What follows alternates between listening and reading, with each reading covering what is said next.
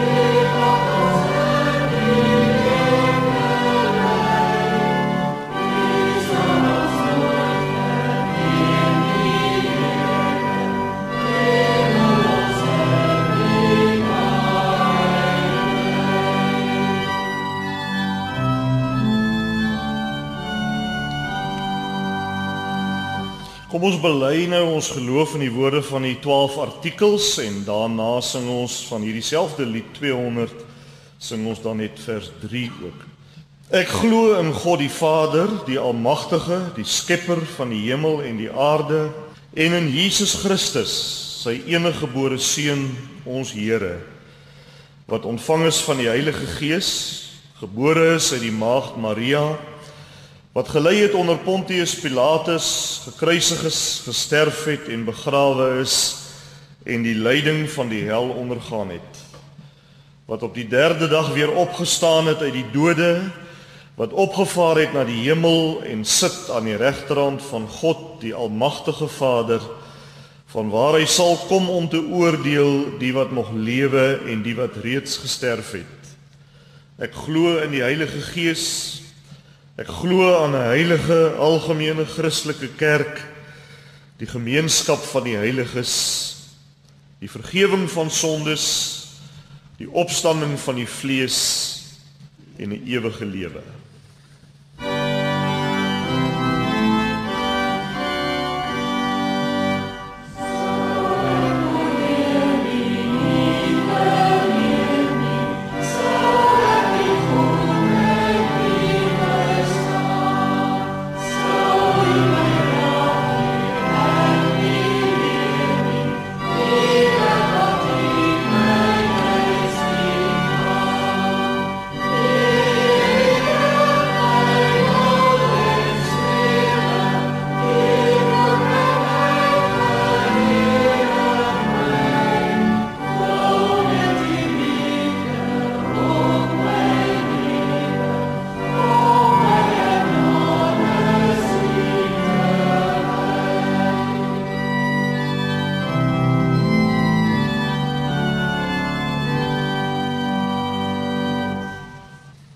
Ons uit die Here se woord lees, kom ons bid eers saam.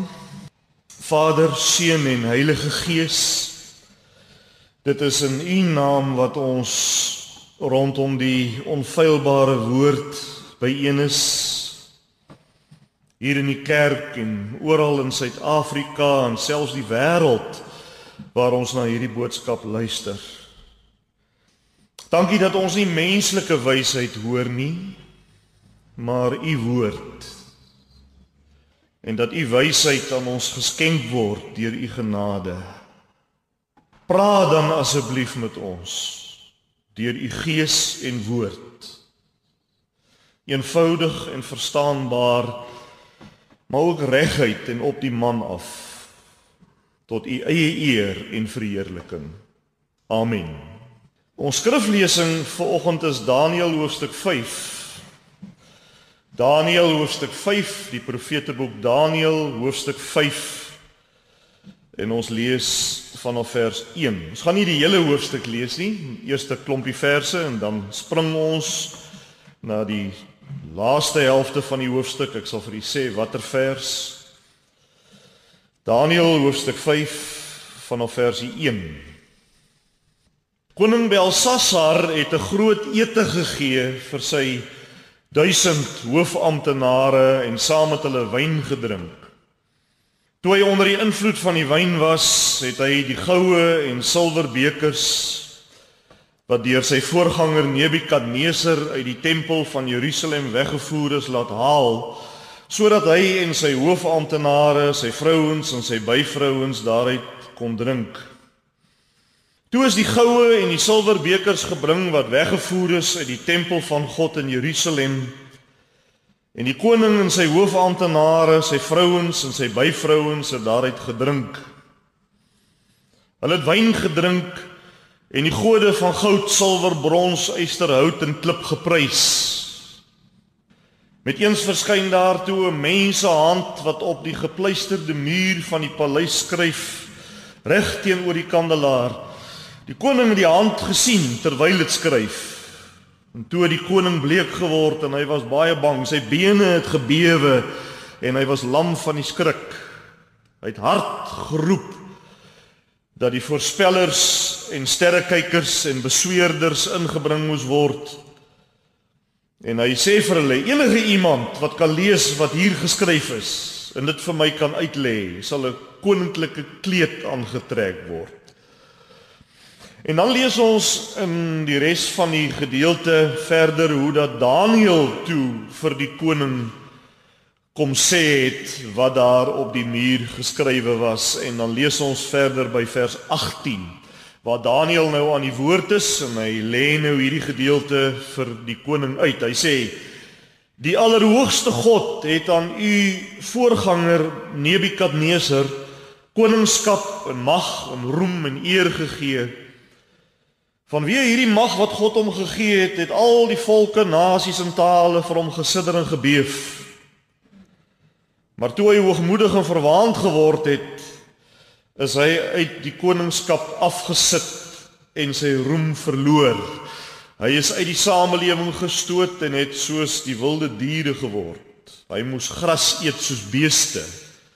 Hy moes erken dat die Allerhoogste God mag het oor die koninkryke op aarde en daaroor aanstel wie hy wil, maar u Belsasar wat hom opgevolg het. U het u nie verootmoedig nie alhoewel u dit alles weet. U het verwaand opgetree teenoor die Here. Die bekers uit sy tempel is na u gebring en u daaruit wyn gedrink. U die gode van silwer, goud, brons, yster, hout en klip geprys. Gode wat nie kan sien nie en nie kan hoor nie en niks weet nie. U het nie die God geëer van wie u die lewensasem ontvang het en wat oor u lewe beskik nie. Daarom is die hand deur hom gestuur en is hierdie woorde geskryf. Getel, getel, gewege, verdeel. En dis wat dit beteken. God het die jare van u koningskap getel en 'n einde daaraan gemaak. U is geweeg en te lig bevind. U koninkryk is verdeel en aan die Medeërs en Perse gegee. Daniël is toe op bevel van Belsasar 'n koninklike kleed aangetrek en 'n goue halsketting omgehang en hy is uitgeroep as regerder derde in rang van die koninkryk. Daardie nag is Belsasar vermoor. Ons lees dan tot sover Liewe gemeente, gelukkig is elkeen wat God se woord hoor en wat ook daaraan gehoor gee. Ons het hier in Daniël 5 gelees van twee konings van die goddelose heidense Babiloniese ryk in die tyd van Daniël, naamlik Nebukadneser en sy opvolger Belsasar. Maar daar's iets baie eienaardig wat 'n mens opval by die deurlees van hierdie geskiedenis van Nebukadneser en Belsasar. En dit naamlik dat Nebukadneser vele kansse van die Here kry. Terwyl Belsasar oënskynlik net een kans kry. Dit is asof die Here verskillende werksmetodes aanlê met betrekking tot hierdie twee konings. Waarom sou dit so wees? Is God dan onregverdig? Nebukadneser kry vele kansse, vele geleenthede van die Here en Belsasar net een. Kom ons kyk 'n bietjie van nader by daarna. Kom ons kyk eerstens 'n bietjie na Nebukadneser. Nebukadneser vriende was 'n absolute volslaa heiden gewees wat van kleins af nooit die woord van die Here gehoor het nie. Hy het nooit gehoor van die ware God nie want hy het groot geword midde in afgodsdiens, afgodery en Hy het geen kennis gehad van die Here nie en van die Here se genadige verlossing nie. Maar toe begin die Here God met Nebukadneser bemoeienis maak. Onthou dit was Nebukadneser wat die Here se gemeente Israel in ballingskap weggevoer het. Met ander woorde Nebukadneser het nie Nebukadneser het geen goddelike bemoeienis verdien nie. En tog begin die Here met hom werk. En hoe begin die Here met hom werk? Wel, die Here begin om homself stelselmatiglik aan Nebukadneser te openbaar, bekend te maak, sou 'n mens kon sê. Gaandeweg. Nebukadneser se eerste kennismaking met die lewende God was toe Daniël sy eerste droom. Ek dink ons lees daarvan in Daniël 2 toe hy sy eerste droom aan hom kom uitlê het. Daar begin die Here as dit ware homself vir die eerste keer aan Nebukadneser openbaar. Maar nou, luister mooi. Luister nou. Alhoewel Nebukadneser daar tot 'n mate van 'n ontnugtering gekom het. Alhoewel Nebukadneser daar besef het hoe hopeloos sy eie towenaars is. Alhoewel hy daar besef het hoor hier hier is 'n godsman hier wat iets het wat niemand in Babel het nie. Alhoewel hy daar besef het hier is 'n God wat groter is as my eie gode. Nogtans is daar absoluut geen teken van bekering of geloof by Nebukadneser sigbaar nie. Daar's nie 'n greintjie nie 'n teken van inkeer en bekering nie. Daar is nie eers 'n aanduiding dat sy oë enigsins oopgaan nie.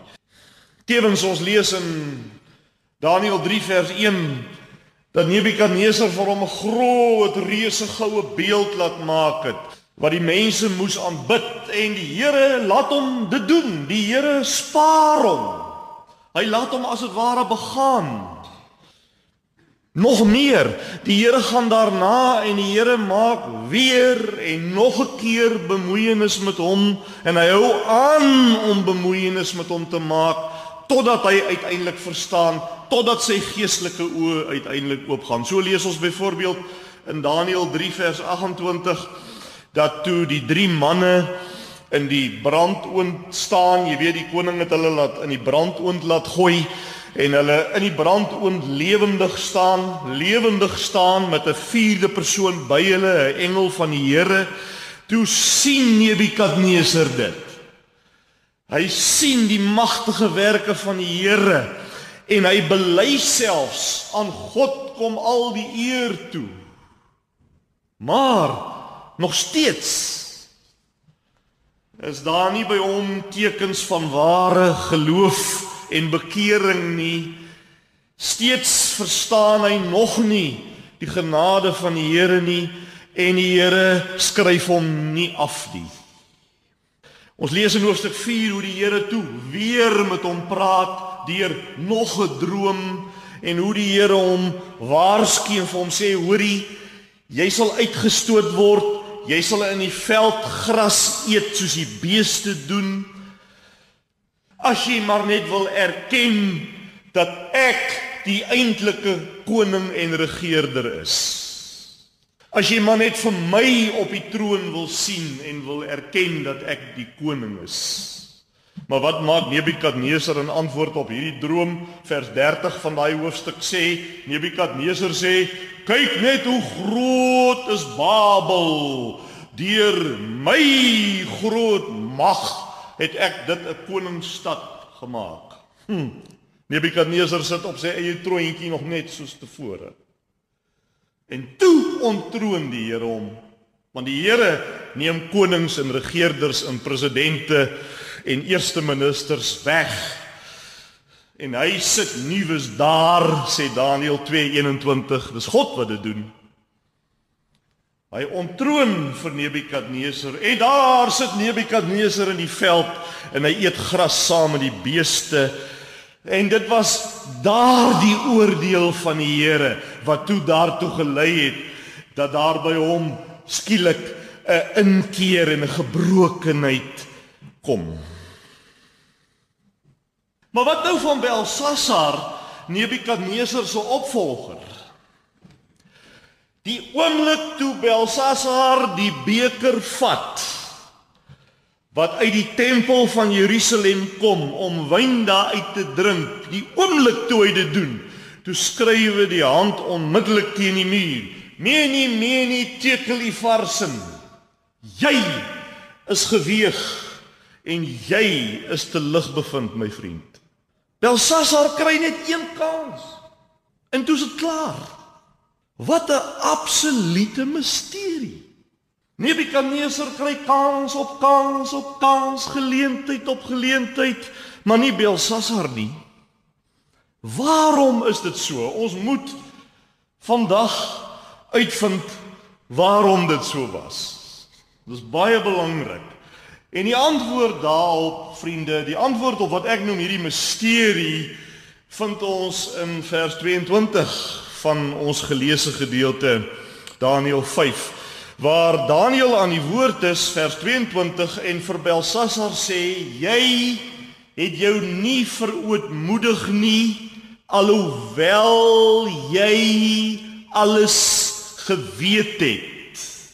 Dis die antwoord. Nebukadneser as 'n rou heiden het niks geweet nie.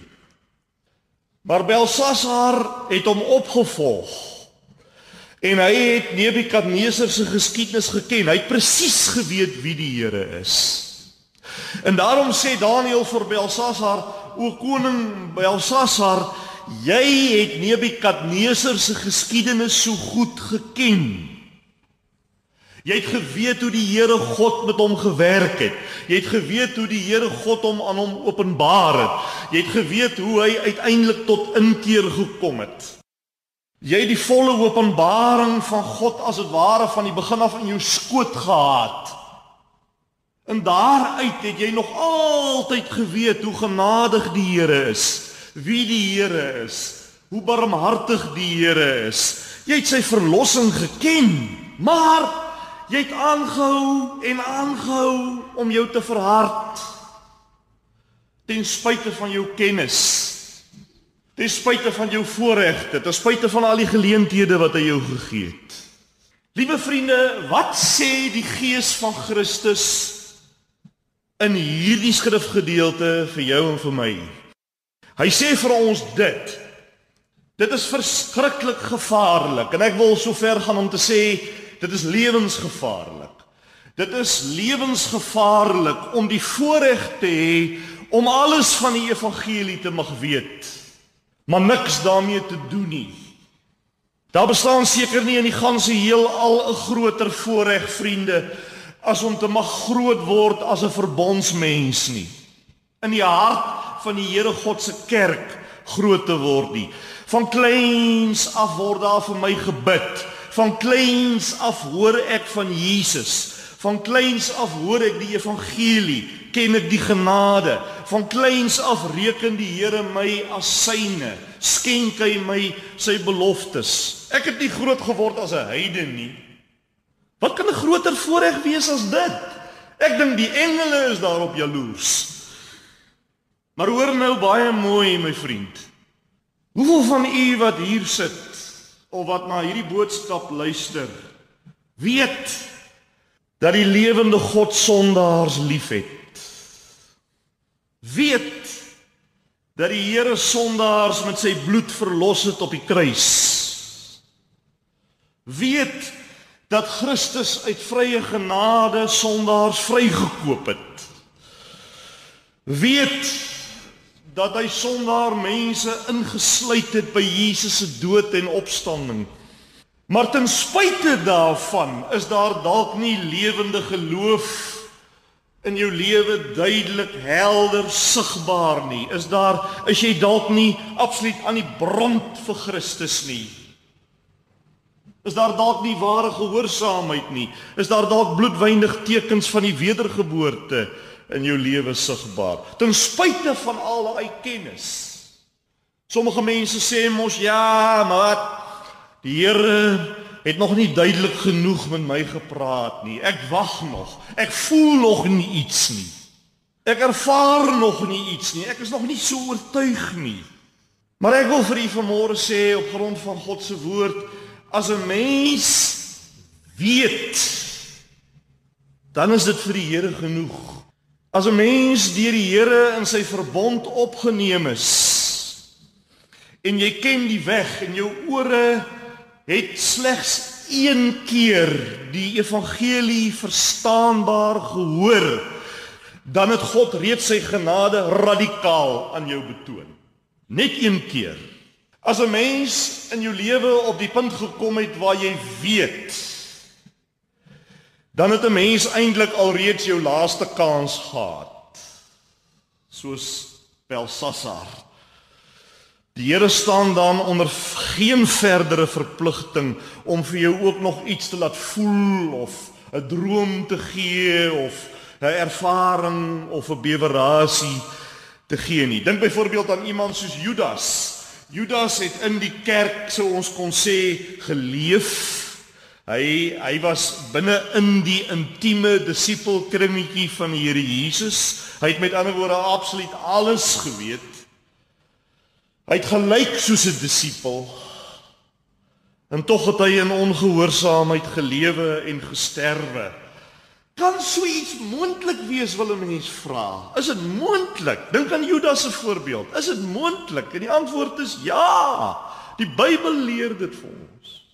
Dink byvoorbeeld ook aan die soort van kerkmens vriende wat werklik sekerheid besit dat hy of sy 'n kind van die Here is, soos wat Romeine 8 sê, die Heilige Gees getuig saam met my menslike gees dat ek 'n kind van God is. Daar is sulke mense in die kerk wat hierdie sekerheid besit, maar so 'n persoon gaan en so 'n persoon gaan lewe aanhoudend voort met opsetlike sondes in sy lewe. Hebreërs 10 vers 26 sê as ons opsetlik aanhou sondig nadat ons die kennis van die waarheid ontvang het is daar geen offer meer wat ons sondes kan wegneem nie, net 'n gloeiende vuur. Wanneer 'n mens getuig dat jy die genade van God ken, maar jy ploeter ongestoord voort in sonde, dan skiet selfs die offer van Jesus tekort om jou te red, by wyse van spreuke. Aan die een kant verseker die Bybel vir ons dat 'n wedergebore mens nooit weer verlore kan gaan nie. Aan die een kant, maar aan die ander kant sê dieselfde Bybel vir ons dat 'n mens wat onversetlik volhard in opsetlike sondes se uiteinde is die oordeel. Dit praat nie van gelowiges wat werklik 'n stryd het teen sondes omdat hulle graag heilig wil lewe nie. Dit praat nie van hulle nie. Dit praat van mense wat al die kennis het en tog opsetlik volhard in ongeloof. Want dit is lewensgevaarlik. Lewensgevaarlik vriende om te weet en nie te doen nie. Dink maar aan Lukas 9 vers 62 waar Jesus sê niemand wat sy hand aan die ploeg slaan en dan agtertoe kyk is geskik vir die koninkryk van God nie. Byna soos Lot se vrou is dit nie. Daarteenoor sê die Heilige Skrif vir ons in 1 Konings 18 vers 21: "Waarom hink julle so op twee gedagtes? As die Here God is, volg hom dan. Kom tot 'n finale beslissing in jou lewe. Maar moenie aanhou met hink op twee gedagtes nie. Hoeveel van julle weet, vriende, Hoeveel van u weet maar jy hink op twee gedagtes soos Belsasar. Miskien 'n jong mens wat tussen twee vure sit. Miskien iemand in wanhoop. Luister nou baie mooi. Die onbeskryflike genade van die lewende God bring ons tot 'n beslissing, vriende. Dink net 'n bietjie vir 'n oomblik daaraan. Dis hy wat jou en my in sy verbond ingesluit het voordat ons nog kon kies. Dis hy wat vir ons kom oorlaai met sy seëninge en met sy belofte woorde. Dit is hy wat al vir duisende kere sy woord aan ons laat verkondig het. Dit is hy, dis hy, dis hy. Dis hy wat sondaars versoen het en verlos het op Golgotha. Dis sy gees wat in ons en met ons werk. En so kan ons aangaan met die lys om te sê, dit is hierdie magtige genade wat ons bring by 'n beslissing. Dis nie ons wat so oulik is nie.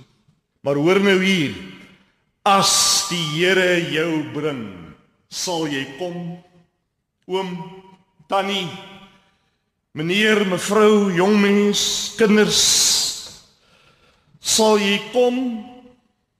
As die Heilige Gees die verlossing in jou lewe kom inplant sal jy dan daarin gaan lewe?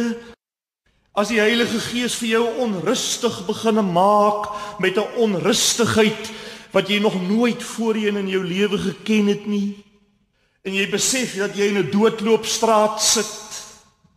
En jy besef jou sonde skuld is verdoemend.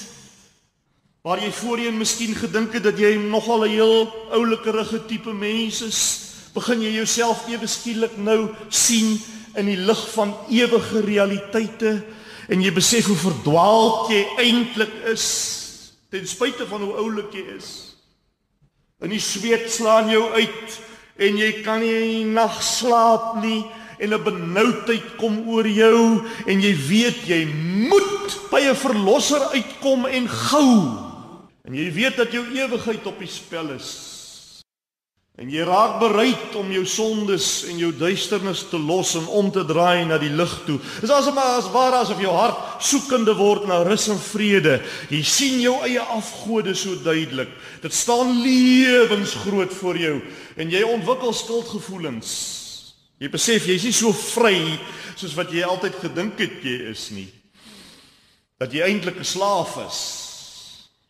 En jy begin begeertes ontwikkel, begeertes wat jy nooit geken het nie om te wil verander, omdat jy skielik so lelik en miserabel voel en leeg en ongelukkig is.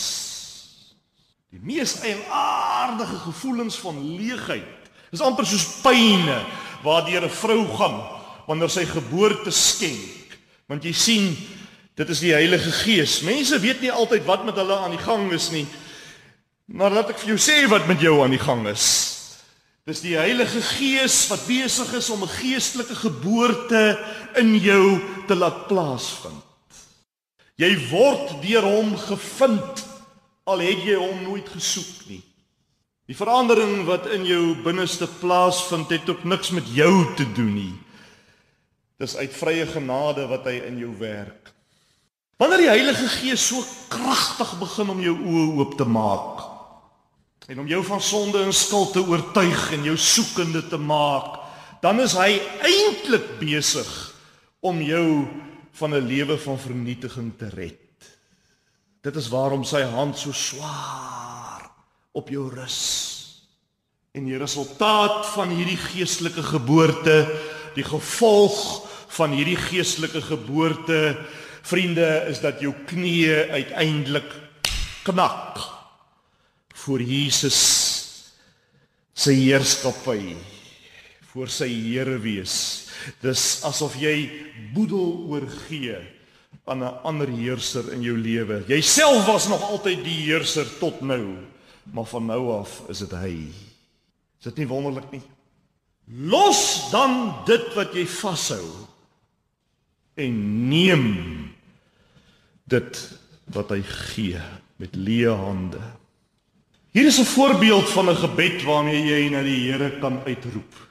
Dit mag wees dat die Gees van die Here deur hierdie woord van God met jou praat. Jy weet, dit is die Gees van die Here wat in jou siel praat. Hy praat met woorde wat jy nie kan hoor nie, met klank wat nie klanke is nie en tog is dit woorde met klank. Jy hoor dit en jy wil uitroep na die Here toe. Wel, hier is 'n gebed wat ek nou gaan bid waarmee jy na die Here kan uitroep. Jy kan dit saam met my bid as jy wil. En jy kan na die Here roep. Kom ons bid net. 'n Duisend maal dankie Here Jesus dat U vandag by my kom stil staan het en met my op my naam kom praat het. Dankie dat U Gees die wedergeboorte in my lewe bewerkstellig en dat hierdie goddelike vernuwing my tot aksie bring, tot inkeer bring, tot bekering, tot geloofsvertroue bring. Vader, soos wat U my 2000 jaar gelede reeds by Jesus se opstanding ingesluit het, so maak U dit nou en hier vandag in my lewe 'n werklikheid. Dat ek 'n kind van die lewende God mag wees. Ek kom na U met my hele hart en glo dat U my ewige verlosser is deur Jesus Christus en tot sy eer. Amen. As jy na die Here God uitgeroep het in hierdie oomblikke, glo dan sy belofte waar hy in Johannes 6 vers 37 sê: Almal wat die Vader vir my gee, sal na my toe kom en ek sal hom of haar wat na my toe kom nooit verwerp nie. As jy na hom toe kom, sal hy jou nooit wegstoot nie. Die wonderlikste belofte in die Bybel, Johannes 6 vers 37. Kom ons sing dan nou lied 481, se eerste vers. Ontwaak jy wat slaap en staan op uit die dood.